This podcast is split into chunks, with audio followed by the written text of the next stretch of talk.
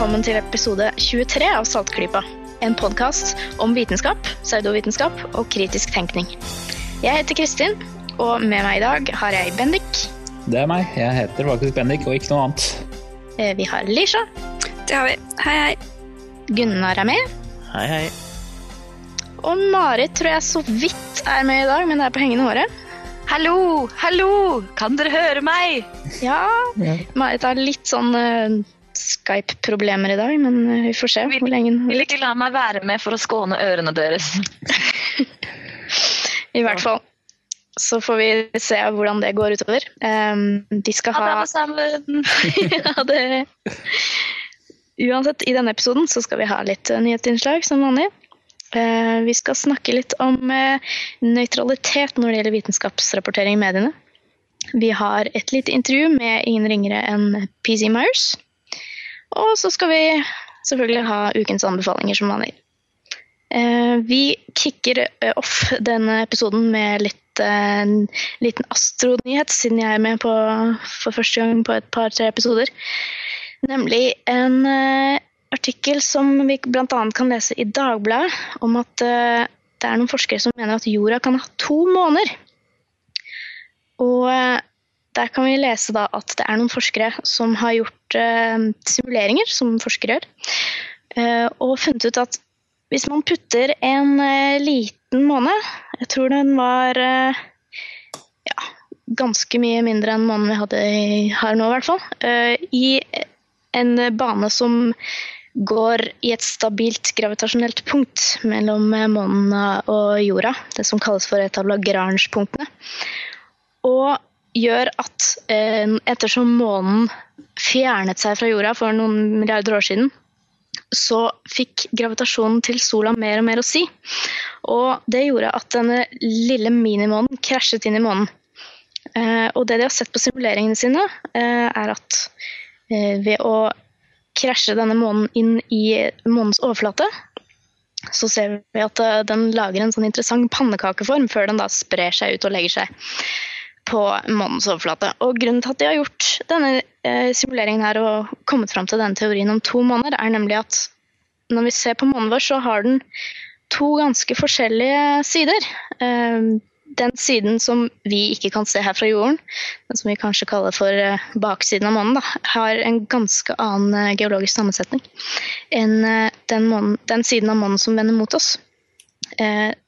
Ser vi på den siden av månen som vi kan se når det er fullmåne ute, så preges den stort sett av eh, det vi kaller for hav. Da.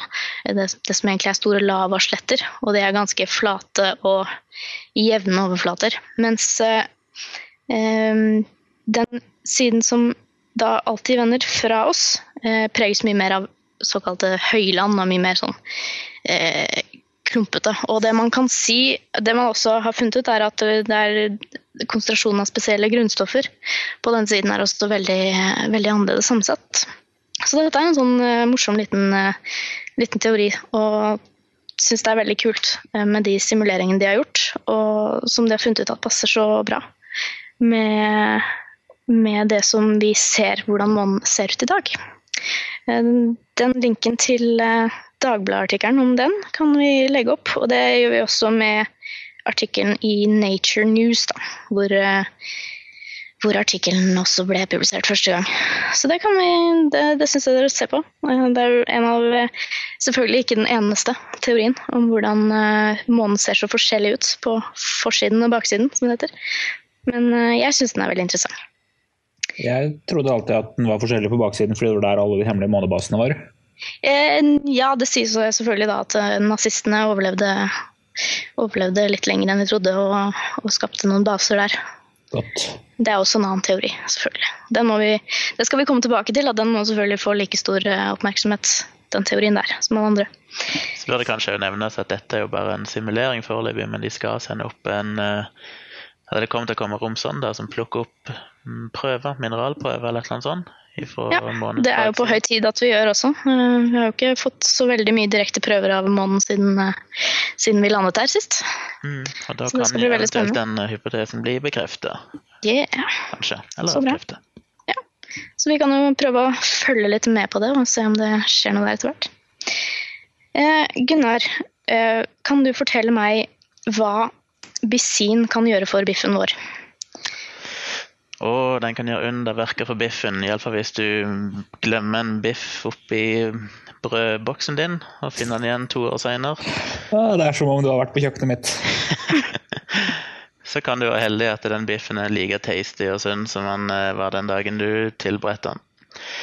Eh, Det er vel en sannhet med modifikasjoner, men eh, det er altså en forsker som litt tilfeldig oppdaga gjennom Han drev og studerte tarmbakterier, så fant han et, et stoff som heter bisin, som er et slags naturlig antibiotikum som finnes i tarmsystemet. Og Det stoffet minner veldig om et annet stoff som heter nisin, som allerede i dag er i bruk eh, når du produserer ost, bl.a.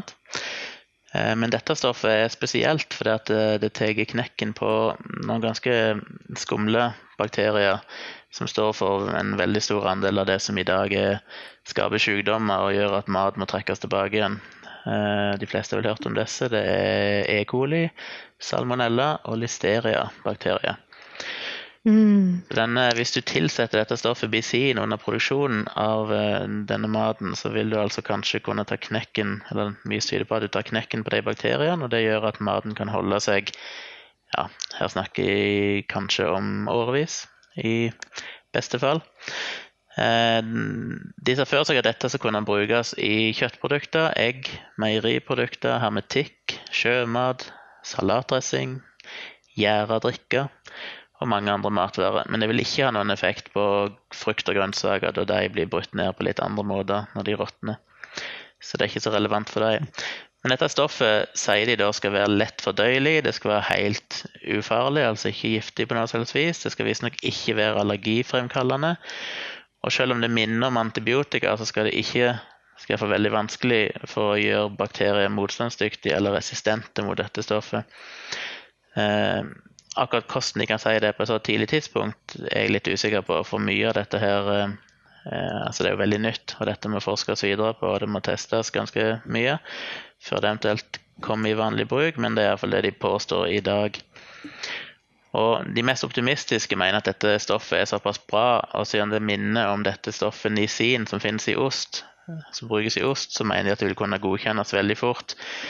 Det kan være at det blir i USA, der er det litt andre regler enn her, men ifølge Mattilsynet så vil det nok fortsatt ta ganske mange år før det blir godkjent i Europa. fordi at selv om et stoff minner om et annet stoff, så kan det ha en helt annen virkning. Så det, det må testes grundig, og det er veldig veldig strenge kriterier for hva du får lov å tilsette mat. Um, og til slutt så må det jo nevnes at det er klart hvis Bendik finner denne biffen i brødboksen sin etter to år, så er kanskje ikke akkurat det med E. coli-bakterier den største problemet. Den biffen vil nok sannsynligvis være ganske uttørka og ha endret konsistens. Så det at du dreper bakteriene i seg sjøl, er ikke nødvendigvis alt som skal til for at mat skal holde seg veldig lenge. Det er bare én av faktorene. Men det kan jo være nyttig, iallfall i sånn som hermetikk, og kan tenke litt større. Kanskje mat som astronauter har med seg ut i verdensrommet, eller du skal på lange, lange reiser. Så, så kan det være nyttig da, å ha mat som holder seg veldig, veldig lenge. Så dette er altså et stoff som noen da tilfeldigvis kom over mens de forsket på noe annet. Så det har, ikke, det har kanskje ikke blitt forsket noe mer på sånn, det har ikke blitt sluppet noen forskningsresultater på det ennå, eller hvordan? Nei, det virker jo veldig nytt, og det virker som at de, han, den ene forskeren sammen med en kollega har fått et patent på dette stoffet. Mm. Eh, så, men da kommer det mer forskning, og det må som sagt testes både i dyr og etter hvert òg i mat som mennesker skal spise, for å se om dette er trygt. Så det virker veldig foreløpig, men, men, som sagt, det er et stoff som finnes naturlig i tarmsystemet, og det minner som sagt veldig om et stoff vi kjenner fra før. Derfor kan de si en del om stoffet allerede nå, mener de. Men det er altså strenge regler før det kan tas i bruk i, i mat som mennesker spiser, så vi får bare vente og se. Jeg håper det kommer snart. Som, som den tidligere, så trenger jeg det på mitt Du kjøkken. har, du har bruk for det. Ja. Ja, vi Du er vi ikke med den det. eneste. Så Det, det var jo en link på det som vi selvfølgelig også skal slenge opp på websidene våre. Eh, vi skal gå over til eh, litt innslag som vi skal ha denne uken. Og det gjelder en eh, rapport som var gjort for BBC. Som handler om eh, BBCs dekning av vitenskap i, eh, i mediene. Og det som spesielt ble tatt opp der, og hardt, ganske hardt kritisert i denne rapporten, var det som eh, vi skeptikere liker å kalle falsk balanse. Altså det at når eh, vitenskap spesielt blir presentert i mediene, så virker det som om noen ganger mediene har veldig lyst til å trekke inn ganske motsatte eh, meninger av det som de fleste vitenskapsfolk anser som fakta. Da, slik at det, det virker som om det eksisterer uenigheter der det egentlig ikke finnes noen. Og eh, det litt ledende spørsmålet til dere blir jo da trenger vi en slik rapport når det gjelder dekningen i norske medier? Altså, det er jo god journalistikk eh, innenfor omtrent alle områder. Så skal du jo fremstille en sak balansert. Du skal gi begge sider av saken mulighet til å, å si sin mening. Men det som er problemet her er jo det at innenfor f.eks. politikk og sånn, så er det ikke alltid der er fasitsvar, og der er ulike meninger. Det finnes ulike tilnærminger til hva som er den beste løsningen, eller hva som eventuelt er sant i en, i en sak. Men sånn er det jo ikke nødvendigvis i vitenskap. I vitenskap så er det jo en prosess, en vitenskapelig prosess som over lang tid finner ut hva som er den mest sannsynlige forklaringen. Og Hvis du snakker f.eks. om global oppvarming, menneskeskapt global oppvarming, så er det vært en lang prosess med mye forskning. Og hvis du da intervjuer en eller annen obskur fyr som er uenig pga. et eller annet isolert datamateriale, og gi han 50% av plassen til å fremstille sin Ofte får han jo mer da, for de som er outsider, for gjerne hoveddelen av spalteplassen, mens uh, vitenskapsmannen kom inn på slutten med et par korrigerende sitat så gir det jo et helt feil bilde. Det gir jo inntrykk av at det er en slags reell diskusjon her, og at de er likeverdige. Og det minner meg jo veldig mm. Eh, med en gang om, om sånn som Richard Dawkins og så PC Meyer, som ikke ønsker å debattere kreasjonister offentlig. Og det er litt av det samme, for at de føler at altså, evolusjon er fakta. Det er ikke noe diskusjon omkring det lenger. Det er såpass veletablert eh, kunnskap. Og det å da gå inn i en diskusjon med en krasjonist, eller en ungjord krasjonist, som tror at jorda er 6000 år gammel, og at alt ble skapt i løpet av seks dager, blir å gi dem en sånn falsk eller en plattform da, til å fremføre sitt budskap, som egentlig bare er tull. Og Dawkins og Myers sier jo sjøl at de har jo alt å tape, og krasjonisten har absolutt alt å vinne en sånn, i en sånn diskusjon. Så det gir et inntrykk av en balanse som faktisk ikke egentlig eksisterer. Det gir også litt sånn uh, si, det, det, stjeles litt kredibilitet på den måten, særlig hvis man snakker om en sånn veldig dyktig person som Richard Dawkins f.eks. Hvis han debatterer mot en person fra en annen leir, så får man jo inntrykk at den personen er på hans nivå. Uh, og det vil jo gjelde i alle sånne situasjoner, at den som kanskje ja, kreasjonisten f.eks.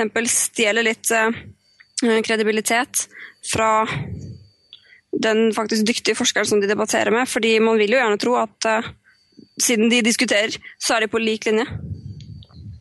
Ja, de gjør jo veldig sjelden det.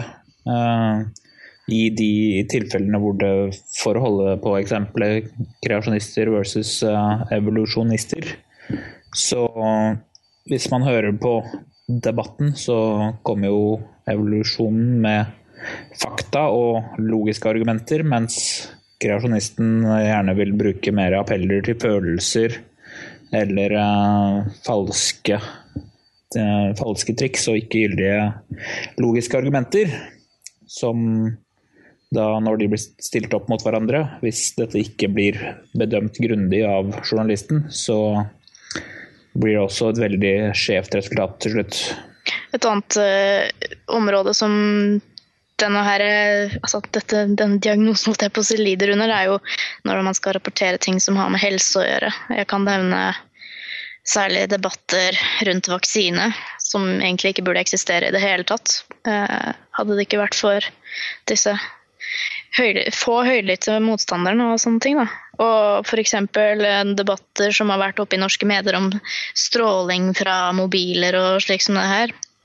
Vi leser bl.a. den artikkelen som da har stått i eh, fritanke.no, at uh, NRK hadde jo helt ukritisk en dame på besøk for å fortelle om sine plager med mobilstråling, og de lot henne stå frem helt ganske ukritisk med sitt metallslør over hodet som skulle beskytte henne, og det ble på en måte ikke ja, det ble på en måte ikke noe tid til å stille noe spørsmål rundt hva, hva er det hun driver med, egentlig. Altså, ja, journalister i dag ønsker jo alltid å ha den her menneskelige vinklingen på alt. Så du har en sånn sak der en eller annen opplever at de er allergiske mot uh, elektrisitet. Så starter de jo med en personlig vinkling. De har bilde av denne personen og kanskje et barn. Og forteller om hvordan de opplever dette, hvordan det påvirker hverdagen. Så får jo de 90% av spalteplassen, og så helt på slutten så kommer kanskje en eller annen fyr fra Statens strålevern inn og sier at uh, host, host, uh, det er ingen forskning som tyder på at dette her er reelt i det hele tatt. Sånn. Men akkurat i de tilfellene der, men bare si, der synes jeg at Vær varsom-plakaten bør komme inn. sånn som hun, Jeg husker henne med det metallsløret over hodet. Visse personer bør beskyttes mot seg selv. altså. Og man som bør som journalist tenke på hvordan man lar folk fremstille seg selv i media. For det, der virka jo ikke helt, helt Hun virka jo ikke helt i vater, kan du si. Så forsøk, eller ønske ønsket om eh, balanse, oppnår faktisk to ting. Det gir en, i hvert fall hva vi mener, en mer faktaorientert og realistisk eh, vinkling, men også til disse personene som kan risikere å dumme seg ut ved å ha helt bananas uh, utsagn. Så ved å filtrere de bort på journaliststadiet, så kan vi slippe at de driter seg ut også. Hmm. To kuler med en pil. Ja, jeg syns det ble egentlig ganske greit opp, oppsummert. Eh, han som ledet denne rapporten da, for BBC fra University College, College London, eh, spisset det kanskje litt til, men jeg syns faktisk det er helt kurant å trekke den sammenligningen her. Han sier at eh, altså, angående slike balanseringer av mediene, det blir som å invitere til debatt om regnestykket to pluss to. Og når matematikeren sier at svaret er fire, og de trekker inn en motdebattant som sier at svaret er fem, så overlates det på en måte til publikum å konkludere med at svaret sikkert ligger et eller annet sted midt imellom. I, um, Norge har vi jo hatt en del tilfeller der de diskuterer ting som er relativt alvorlige, f.eks. behandling av kreft. Mm. Som, der de har en familie som har opplevd et eller annet om alternativ behandling, eller sånn, og så kommer de plutselig trekkende med Snåsamannen på slutten. Mm. For det er han plutselig en autoritet på området, visstnok, og har et eller annet idiotisk å si. Eh, det er jo helt merkverdig, og det er jo så åpenbart at det er kun for å kunne bruke hans ansikt i hovedbildet i saken, og dermed få forhåpentligvis flere lesere. Mm. Ja, det er litt patetisk. Artikkelen uh, i Fri tanke refererer til uh, lederen i Norsk Presseforbund, Per Edgar Kokkvold, om dette temaet her. Og han drar fram at uh, mediene bryter med Vær varsom-plakaten hvis de ukritisk viderebringer påstander som er i strid med vitenskapen. Så de skal også Journalister skal ikke, i hvert fall ifølge Vær varsom-plakaten, bare ta folk sine utsagn for god fisk. Ja, hadde den uh, regelen blitt fulgt opp, så hadde vi hatt helt andre tilstander, tror jeg. Det er som jeg har nevnt før, uh, det virker som det er en helt merkelig presseetikk når det gjelder formidling av vitenskap. For det er eksempel på eksempel med at du har en tittel som sier et eller annet helt dramatisk spennende. Og så kom ingressen og nyanserer bitte grann. Og fortsetter ned i teksten med at det var en studie gjort på sånn og sånn universitet, og bla, bla, bla. Og så kommer det litt lenger ned, så viser jeg at det er gjort 15 studier som egentlig viser det helt motsatte resultatet av den ene studien som ble hauset opp i overskriften. Og egentlig så er det ingenting å ta tak i. Og jeg tenker Hvis du hadde gjort det samme med at du hadde hovedoverskrift at Kjell Inge Røkke svindla en konkurrent for to milliarder som overskrift, og i ingressen så kommer det fram at det egentlig så hadde han lånt de pengene. Og så lenger det i brødteksten så viser jeg at det var egentlig han andre som hadde tatt pengene. ikke sant? Det hadde ikke gått an. Men i vitenskap så kan du på en måte vri hele saken i løpet av teksten til noe helt annet enn det du starta med, eh, og slippe unna med det. Men du hadde ikke sluppet unna med det hvis det var næringsjournalistikk eller politikk eller et eller annet. Ja, det handler om det å, å ta hensyn til at uh, de fleste av de som leser og hører på og ser på mediene, har, altså, har vitenskapen som en sånn, litt sånn på avstand, som en litt sånn fremmed verden. Og da må man ta litt hensyn, altså.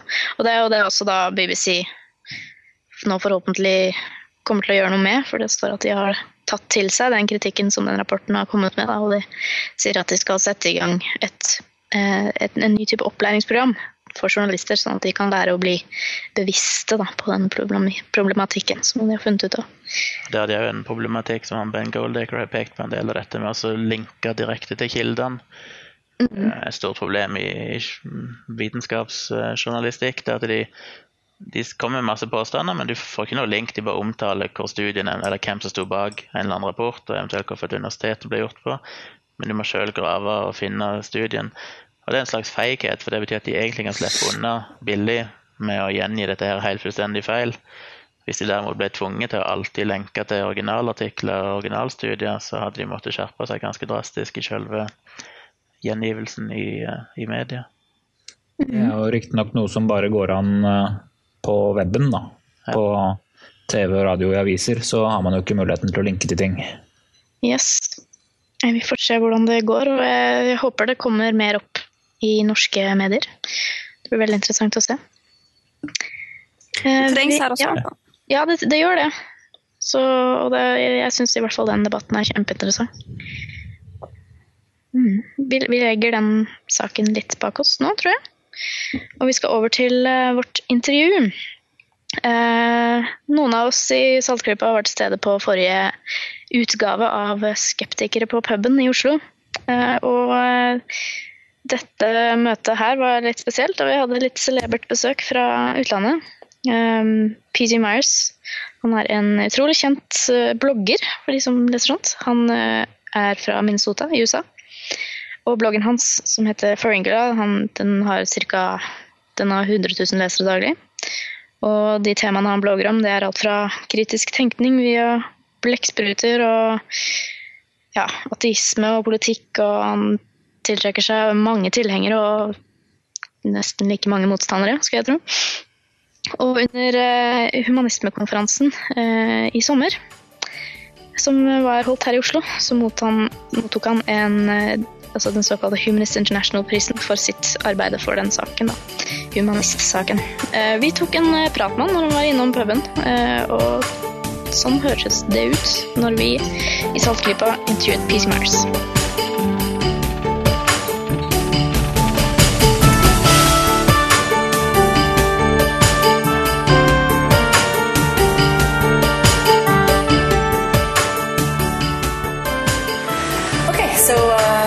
We'll just start. And I will not start by saying so, which I always do. So,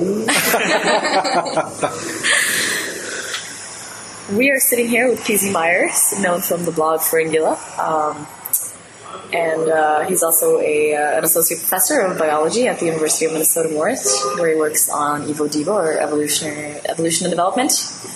Uh, is there anything else that you think that people should know about you in a in a random introduction? That's all there is to my life. Yeah, you just described it all. Well, we didn't mention the trophy wife because you do have a trophy wife. Yes, but she's she's a proud and independent person. She is not a trophy wife. She's that, that's our joke is calling her a trophy wife. Very good, very good. Um, yeah, I didn't mean to make you sound like a chauvinist because you are. Well, no, that was the whole joke. Is that it, she she got called this by a right wing Republican, and she's the opposite of. She's the opposite of a trophy wife in the sense that she's she's gorgeous and sexy and wonderful, and she's never going to be replaced. So, yeah. You know she probably doesn't listen to our podcast, right? If it's in Norwegian, probably not. well, anyway, uh, we didn't really come here to talk about your wife. Uh, she's so good to talk about. I like her. well, she is an interesting person.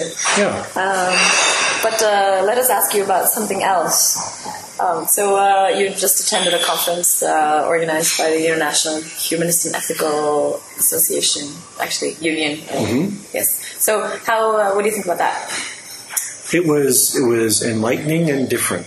I, I usually go to atheist conference, and atheist conferences, when you go to them, you'll discover they tend to focus more on anti-religion, and that's let's get rid of the let's let's get rid of the Pope, whatever.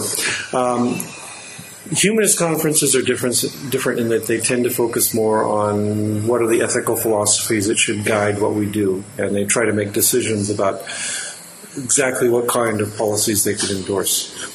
So um, I've had a few conversations in both groups, which are which are kind of amusing because humanists think of themselves as atheists all grown up.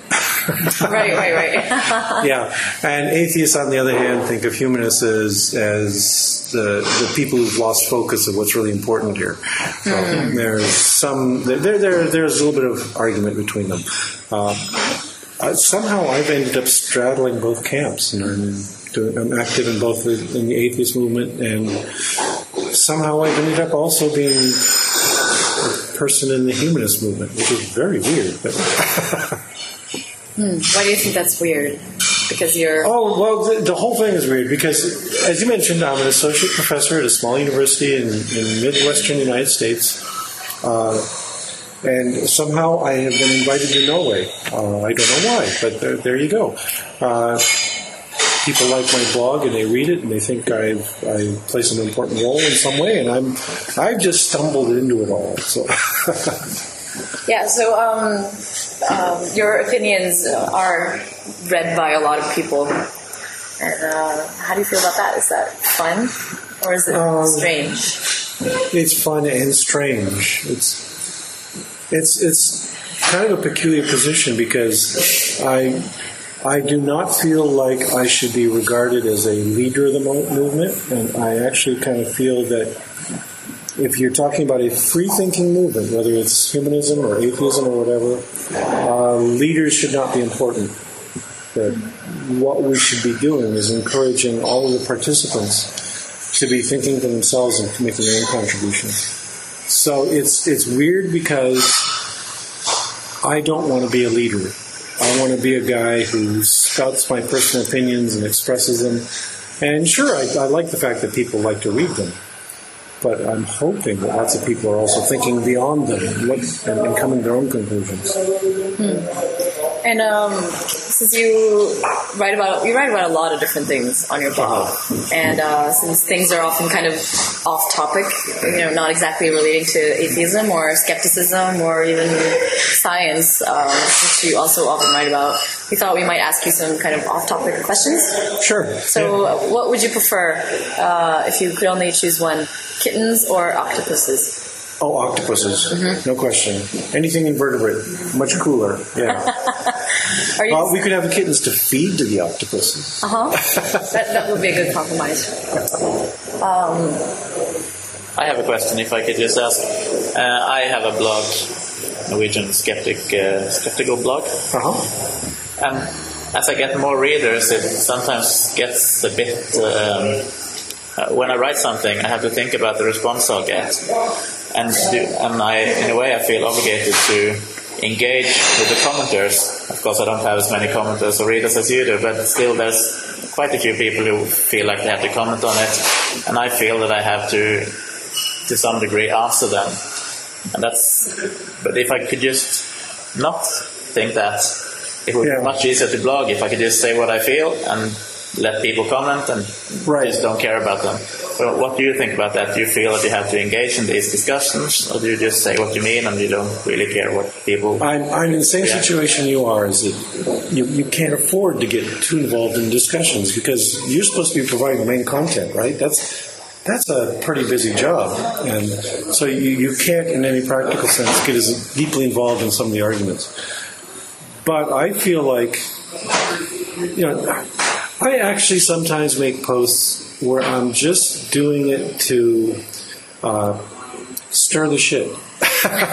where I'm, I'm just throwing out something where you know it's, it's an idea I've sort of had and I'm thinking about it. I haven't quite formulated my opinion on it, but I'll throw it out there. And the idea is to stir up the commentariat to make conversation about it.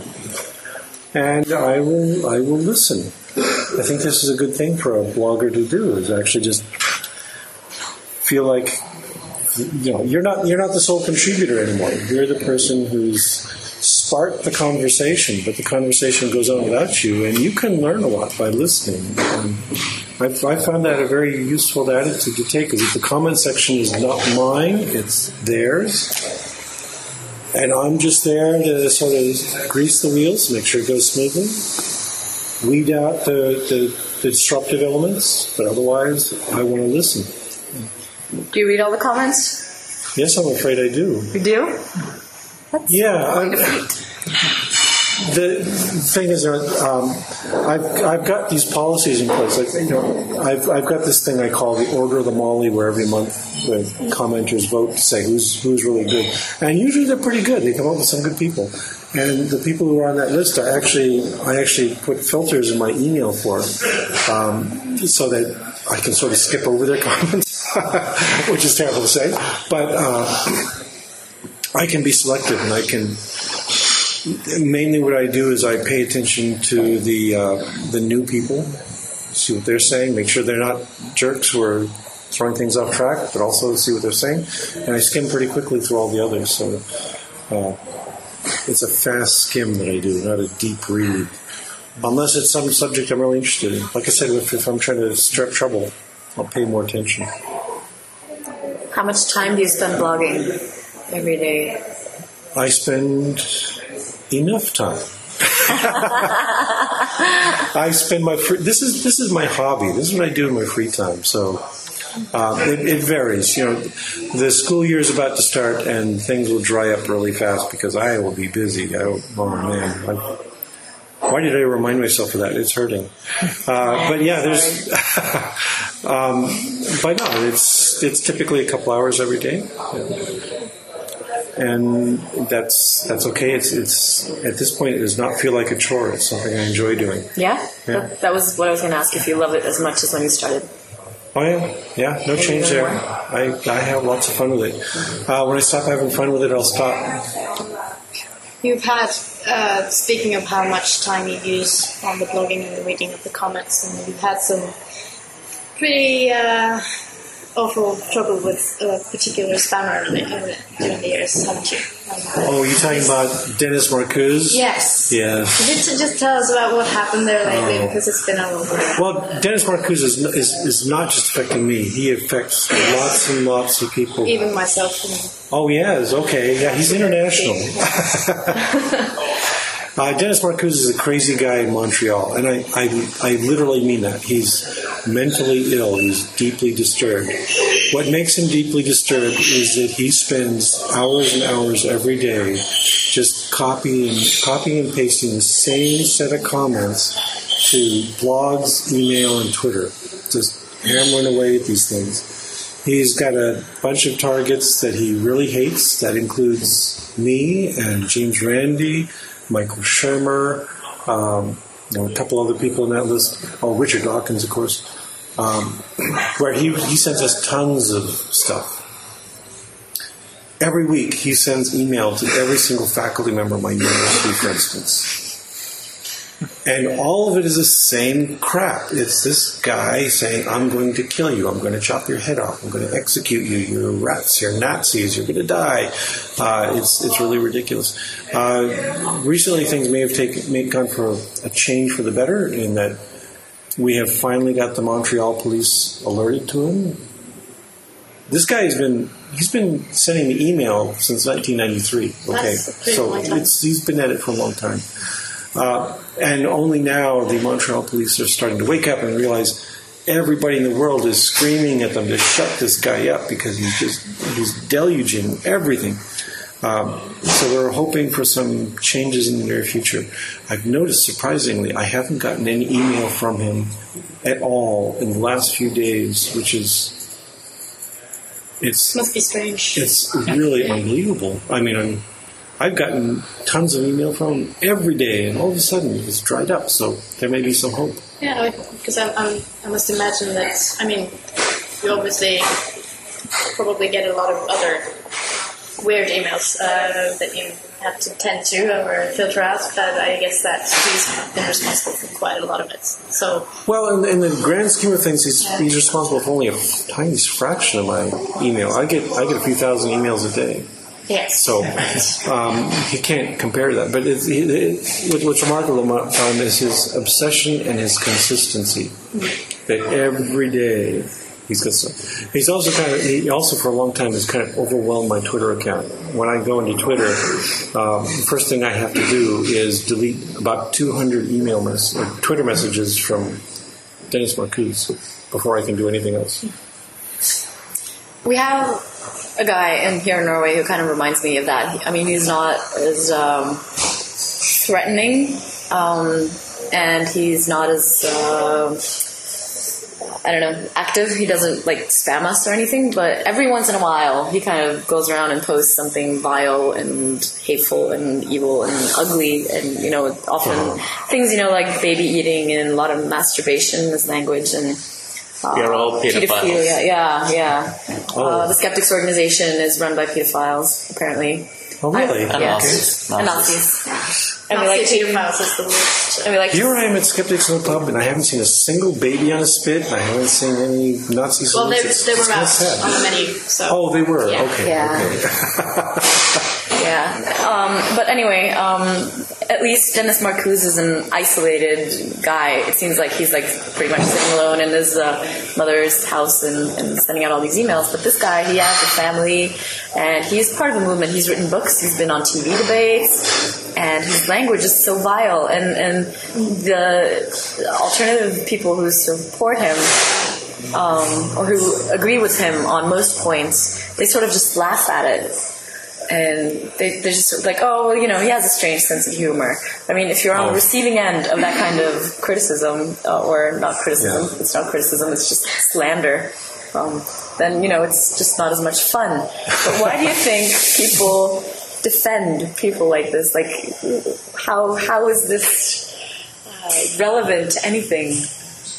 It's just Yeah, you're putting me in an awkward spot because I use pretty pointed language myself. I'm I'm pretty sharp about criticism, and um, so uh, you know I, I don't want to come out and just simply say, "Oh well, being rude is is unconscionable. You cannot do that," because I don't feel that at all. I think it's fine to be rude, but the question is: Is your rudeness product, productive? Are you are you aiming your your criticisms in a way that that will actually reinforce the ideas you're trying to get across. And accusing somebody of being a pedophile, unless they're a pedophile, is not going to help you. It's not going to get your case across. So in this case, what I'd say is the guy is, is wasting his time. That all he's doing is wrecking his own reputation, which I suppose from your point of view is great. Sure. Um, but then uh, beyond that, um, we work in a medium on the internet where you have to have a thick skin because, man, man, it's tough. It's a rough act out there.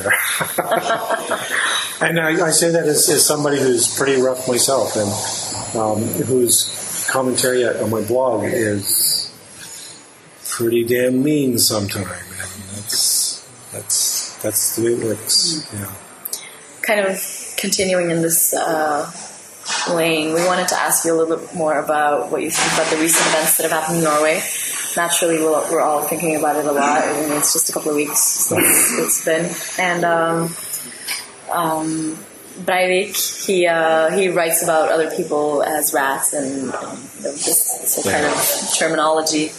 Um, yeah, what's your what's your take on on the the words that he uses and the ideology Right. that he's Well, continuing from what I was saying before, it's it's a similar sort of thing that that there's a difference between dehumanizing your opposition, which is what he's doing. I mean, when you, when you accuse somebody of being a rat, what you're actually doing is just trying to say, okay, they're vermin, we can exterminate them without repercussions. And, and that's what he's doing. And, and harshly criticizing somebody. I would, I would, for instance, harshly criticize Breivik in the most strongest terms. But at the same time, I would still recognize him as a human being who deserves the rights and protections of the law, etc. Um, so that's that's our constant problem. We're constantly walking this fence where we're we're trying to deal, you know, uncompromisingly with what I would call, in Breivik's case, without hesitation, I'd call it evil. That this is an evil attitude, but at the same time, we don't want to become evil ourselves.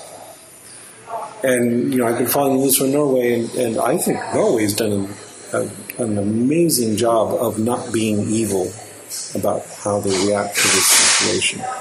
So, you know, my applause goes out to all of Norway for the way you've handled this. It's been been absolutely marvelous, and, and at the same time, man, you didn't deserve this jerk.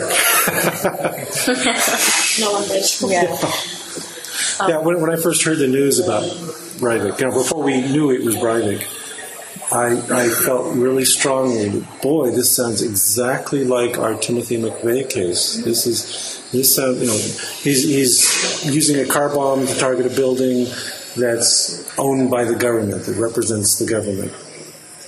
That didn't sound like Muslim terrorism to me. That sounded like right wing terrorism. Uh, so my prophecy actually came true. I'm sorry, but yeah, that seems to be what he is. And that's a tough that's a tough kind of terrorism to fight. So, what did you uh, did you respond to the um, first reactions by the media? The um, I don't know if you saw it, but a lot of the major news outlets and the British ones and the um, like the Telegraph and, and stuff in England, they were all claiming that it was an Al Qaeda attack. Oh yeah. Yeah, I heard that all over the place, and you probably know Fox News in the United States Oh, yes. really played it up in, in disgusting ways. Um, my first response, because I, I thought this sounds just like a right wing terrorist attack, is I didn't believe it. And I, I stopped and I, I didn't write anything about it for several hours after the attacks until some of the news started to trickle in about, you know, this crazy guy. And that's, that's when I really went public with it. But I, I felt like a lot of the media handled it very, very poorly. Yeah. Yeah, we've still got we still got Fox News commentary where it's still trying to somehow blame the Muslims for it. Yeah, because ultimately it's the Muslims' fault because Ultimately, yes. he hates them, and that's why. Yes, Yeah, so they're the problem. it was the Muslims' fault for making Breivik angry. Yes. um, But I also same- think it, it ties a bit into the whole idea of critical thinking because he constructed his own worldview, Oh yeah, which was immune to any kind of rationality or critique Yes. in a way. And you can also uh, say the same about anti-vaxxers or people. And in a way, they also, although indirectly, probably kill quite a few people. yeah, oh yeah. So I think it's we see a terrorist attack as as much more of a tragedy because it's so direct and it's happening at the same time. But the same kind of lack of critical thinking, I think, Right. could probably kill. Oh yeah, I, I skimmed through Breivik's little manifesto, that gigantic mess. I didn't read the whole thing because that would have been too painful. But yeah, you can see it right there that this is a guy who's got this weird inner fantasy, and most of it is him. Well, he's got this long section where he talks about the various medals and ranks of his imaginary army. This is a guy indulging in a masturbation fantasy in his writings. That and yeah, you're right. It's it's somebody who has completely divorced himself from critical thinking and is not going anywhere. When when we write things in science, for instance, we know that you don't just write it by yourself. That you can't do that. That you know, even if it's if even if it's a boring pedestrian paper where you're just documenting some little observation, you always give it to somebody else to review and read before you send it off to the publisher. And that's part of critical thinking is getting different perspectives on your position. And that's yeah, Breivik's clearly a guy who he didn't need anybody else to contribute, and it shows. He should have uh, he should have had some peer review on it. that's it. Yes, he should have sent it out to the international community of cranks for peer review before. It it reminds me of this great Feynman quote that says, um, um, "You have to be careful not to fool anyone else." Yes, That's the easy part. The hard part is not fooling yourself. correct. Yeah, that's that's the that's kind of the tough part of science. But you know, after a while, you get you get so used to it. Um, I've had many cases where I have. You know, I've made a prediction about what we'll expect to see in a certain biological study. I'll say, you know, I bet you it will work this way. I bet you we'll see this when we do this stain and we look at this this stage of development. And I bet you it'll look like this. And then most of the time, no, it doesn't. It looks completely different. And so we're constantly being checked by reality, and that's okay. That's that's what we want. That what we want are the output of our work to reflect is not our preconceptions, the stuff that we, the ideas that we had before we did the work. We want that output to reflect what we learned in the work. Um, just one more point about uh, Breivik. Um, I don't know if you, well, you probably noticed Fox was uh, kind of in hysteria about the fact that he kind of says that he's a Christian. Yes. And they were all in hysterics about it. Uh, so how, how important do you think religion is for uh, terrorists like him? Or not Oh. terrorists like him, but, you know, from.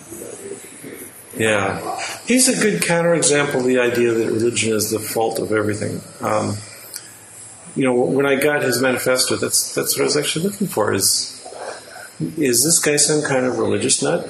And when you read it, he's actually got a fairly nuanced view of religion. He's he's clearly pro-Christian. You know, he thinks Christianity is the answer, but he, but he's got several sections there where he talks about where how, how atheists are acceptable within his imaginary movement. You know, as long as they recognize the superiority of the white Christian culture. Um, yeah. Uh, so he's. Uh, I would say, you know, this is this is the guy who's clearly uh, cultural Christian. He's a you, you cannot deny that he was a Christian. That his his views that Christian ideology were superior informed his actions. But primarily, what he is is a guy committed to an ideological principle, and that's that's what he is. He's he's an ideologue. I'd like to change the topic Oh boy, a okay. bit. Uh, Make sure it's something more cheerful. oh yes, absolutely. Something fun! Uh, as we mentioned, you have a shit ton of readers on your blog, and occasionally you ask them to go out and do something. Uh, I believe Yeah. the term has actually been coined to pharyngulate something, Yes. uh, such as an online poll or write a letter to somebody. Um, does have you gotten any major accomplishments from having a horde of people who actually very Oh. whim uh, lately? Oh well, that's you know put it in proper perspective. what this is is telling a bunch of internet geeks to go out and do internet things. so yeah, that's that's fairly easy. Um, the, the question is, can we tell them to go out and make a difference in the world? Can we get them to do other things? And yeah, there Can have you been make a difference on the internet? Yeah, and I think you can. Um, that probably the best success we had lately is is a group of us bloggers got together and had a little competition to see who could raise the most money for Camp Quest, which is a secular children's camp in the United States. Um, which has also been, I'm happy to say, been selected as the agency that will be providing cha- childcare at atheist conferences by the Richard Dawkins Foundation. So we had this little goal of raising a pile of money. I think it was something on the order of ten thousand dollars or so. We ended up raising something close to twenty thousand dollars. And I think twenty thousand dollars represents a pretty substantial chunk of change. It does. yes. So uh, yeah, we were we were able to do that, and um, that's that I think is a more significant accomplishment when you can steer things into support and that sort of stuff. Also, every year I support this program called Donors Choose, which is another charitable organization. What it is is uh, school teachers in the United States write in with proposals for grants and say, okay, my I, I teach sixth graders. We need we need five microscopes so that we can study microbiology in our sixth grade science class, and we're requesting money to be spent on purchasing these microscopes. And there will be thousands of these teachers writing in, and uh, every year we have a fundraiser for Donors Choose, where what I do is I go in and I select a whole bunch of them, I say, "Oh, this is good." I usually I just pick ones that are within my discipline because you know I want to support more biology research and things like this. And um, then we announce it. We put a little widget on the blog that people can click and donate to it. And yeah, we raise thousands of dollars every year there too for educational charities. So I think that's that's another place where we're making a big difference. It's really great. I feel like I'm bleeding my readers dry, but no, okay. Do you feel all powerful? No, no, not at all. Enough. No, no, because you know this this is not my money. This is not me donating ten thousand dollars. This is you know hundred thousand readers chipping in and contributing. So it's more. You're like- directing their attention. yes, I'm directing their attention. But you know, this this this is the weird thing. As as somebody who runs a skeptical blog, I'm, I'm encouraging critical thinking. Um, They're not uh, doing that, are they? no, they are. They, they're just pointing them and they're no." usually, but like like recently, the most recent case is um, there was this Swiss Swiss school teacher, or Abgottspon, um, who was fired from his job because he took down crucifixes from his his school. They, you know, they, they were forcing him to put the crucifix up there and go in every day and take it down. They finally fired him, um, and he's in the he's in a competition for a fairly substantial prize, several thousand dollars, as as a courageous leader in Switzerland. And so he asked me to put it on my blog. I said, yes, I, that sounds like a great idea. I'll put it up there. And I put it on the blog and said, go vote for Abgottspon. And a whole bunch of people said, yes, we will do this. And they go look and they say, oh, there's all these other people and they've done very courageous things. And I think I'll vote for this other guy instead. Darn critical thinkers. They just don't obey me. Um, but that's good. That's, that's still fine because what it meant is that good people got attention. That's all we care about. It is, isn't it? That's what it's Yeah. all about at the end of the day.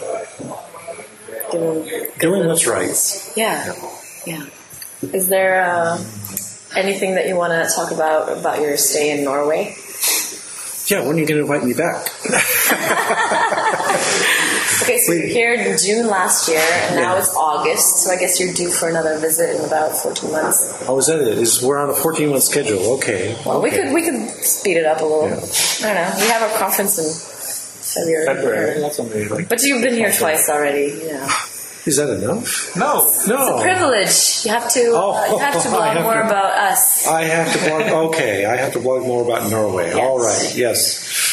No, I get a deal. I'll do it. yeah. No, it's a great place to visit. And I'm this time. You know, last time I, I brought my wife. This time I I couldn't because uh, we weren't here very long. and She couldn't get away from work.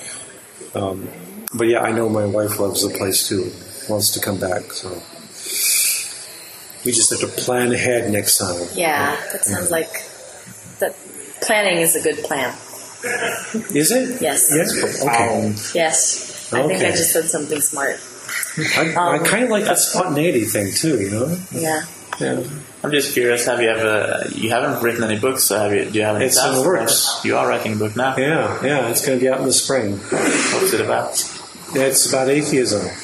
of course. Um, no, it, it actually started out as a fairly wide ranging book that was a lot of things about science and, and, and rational thinking and atheism. And it's been pared down because this is one of the things publishers and editors do is they help you focus your writing. Um, and now it's focused on, uh, it's purely an atheism book, a, a book that's critical of religion. And mostly sits around poking fun at religious people. So it's it's kind of fun. Um, that'll be out in the spring. The tentative title right now is well, that about wraps it up for God then. Because after this book is out, we'll be all done with the God debates. Okay, we're, we're through. We've sort of we can throw them into the rubbish bin of history, and we can move on to a, a bright future of rationality and skepticism and reasoning. But how, how does it? yes. How does it differ from the God delusion or the other? Oh, we actually, I actually, when I was, when my agent and I were pushing this to the publisher, that this is one of the things we said is, it's like the God delusion, only funny. so we'll see how funny it is. Um, I have no sense of humor, so we'll just see what shapes up. Um, it's it's it, you know the the God delusion was a book that developed a thesis that worked through carefully a bunch of arguments to come to a conclusion.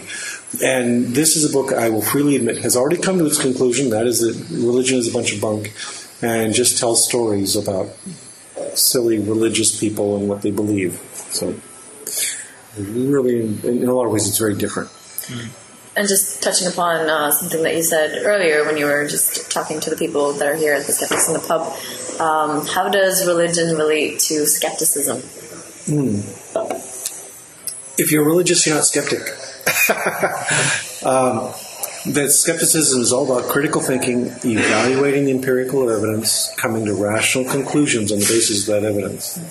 And If you are a religious person, you have not done that for your religion. Now, I, people are diverse. People have different focus.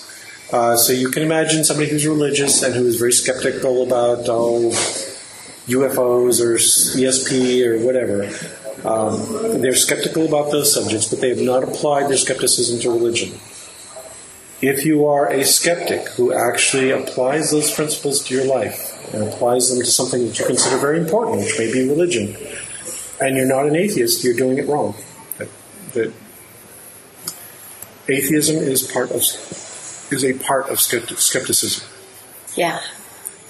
So uh, I think that we should end on that note, actually. And Okay. Just thank you very much for your time. It's been my pleasure. Yeah. Hope to see you again here soon. 14 months, huh? 14 months. thank you. Yeah.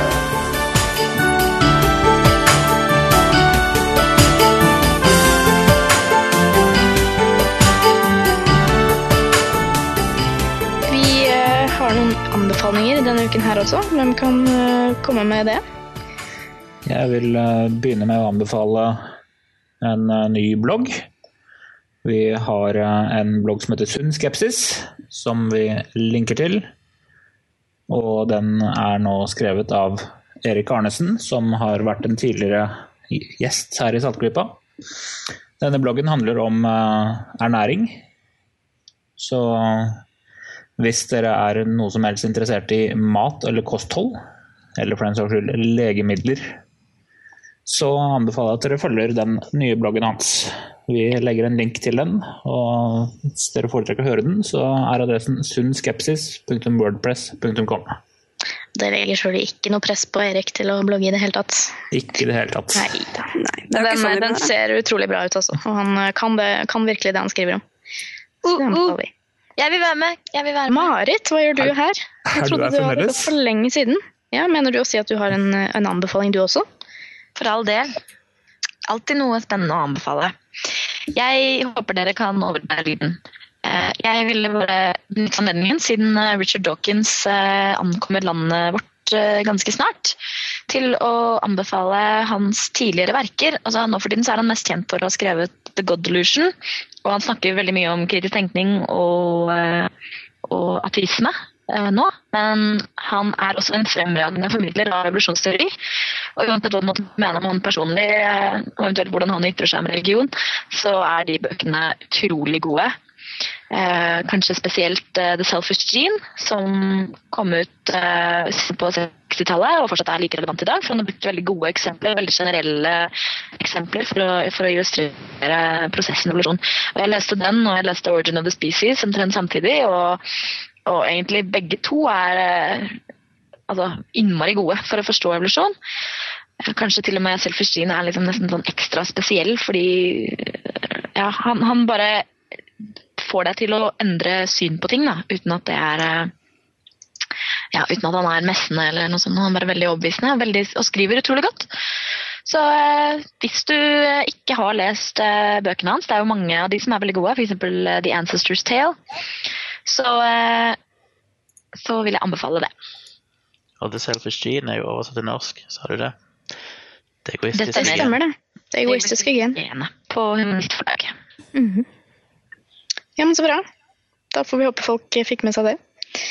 Vi skal eh, runde av.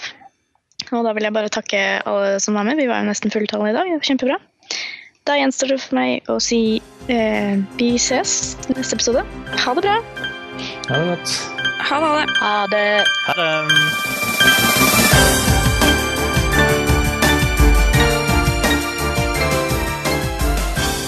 Saltklypa er en norsk podkast som tar for seg vitenskap og pseudovitenskap i samfunnet med et kritisk blikk. Podkasten produseres og drives på på frivillig basis, helt uavhengig av noen organisasjon. Vi vil gjerne høre det fra deg. Hvis du har spørsmål eller kommentarer, kan du sende oss en mail, legge igjen en talebeskjed på Skype, eller skrive en kommentar på vår nettside. Informasjon om dette, samt linker og notater til det vi har snakket om, finner du på saltklypa.no. Denne episoden av Saltklypa er holdbar minst like lenge som maten i Bendix brødboks.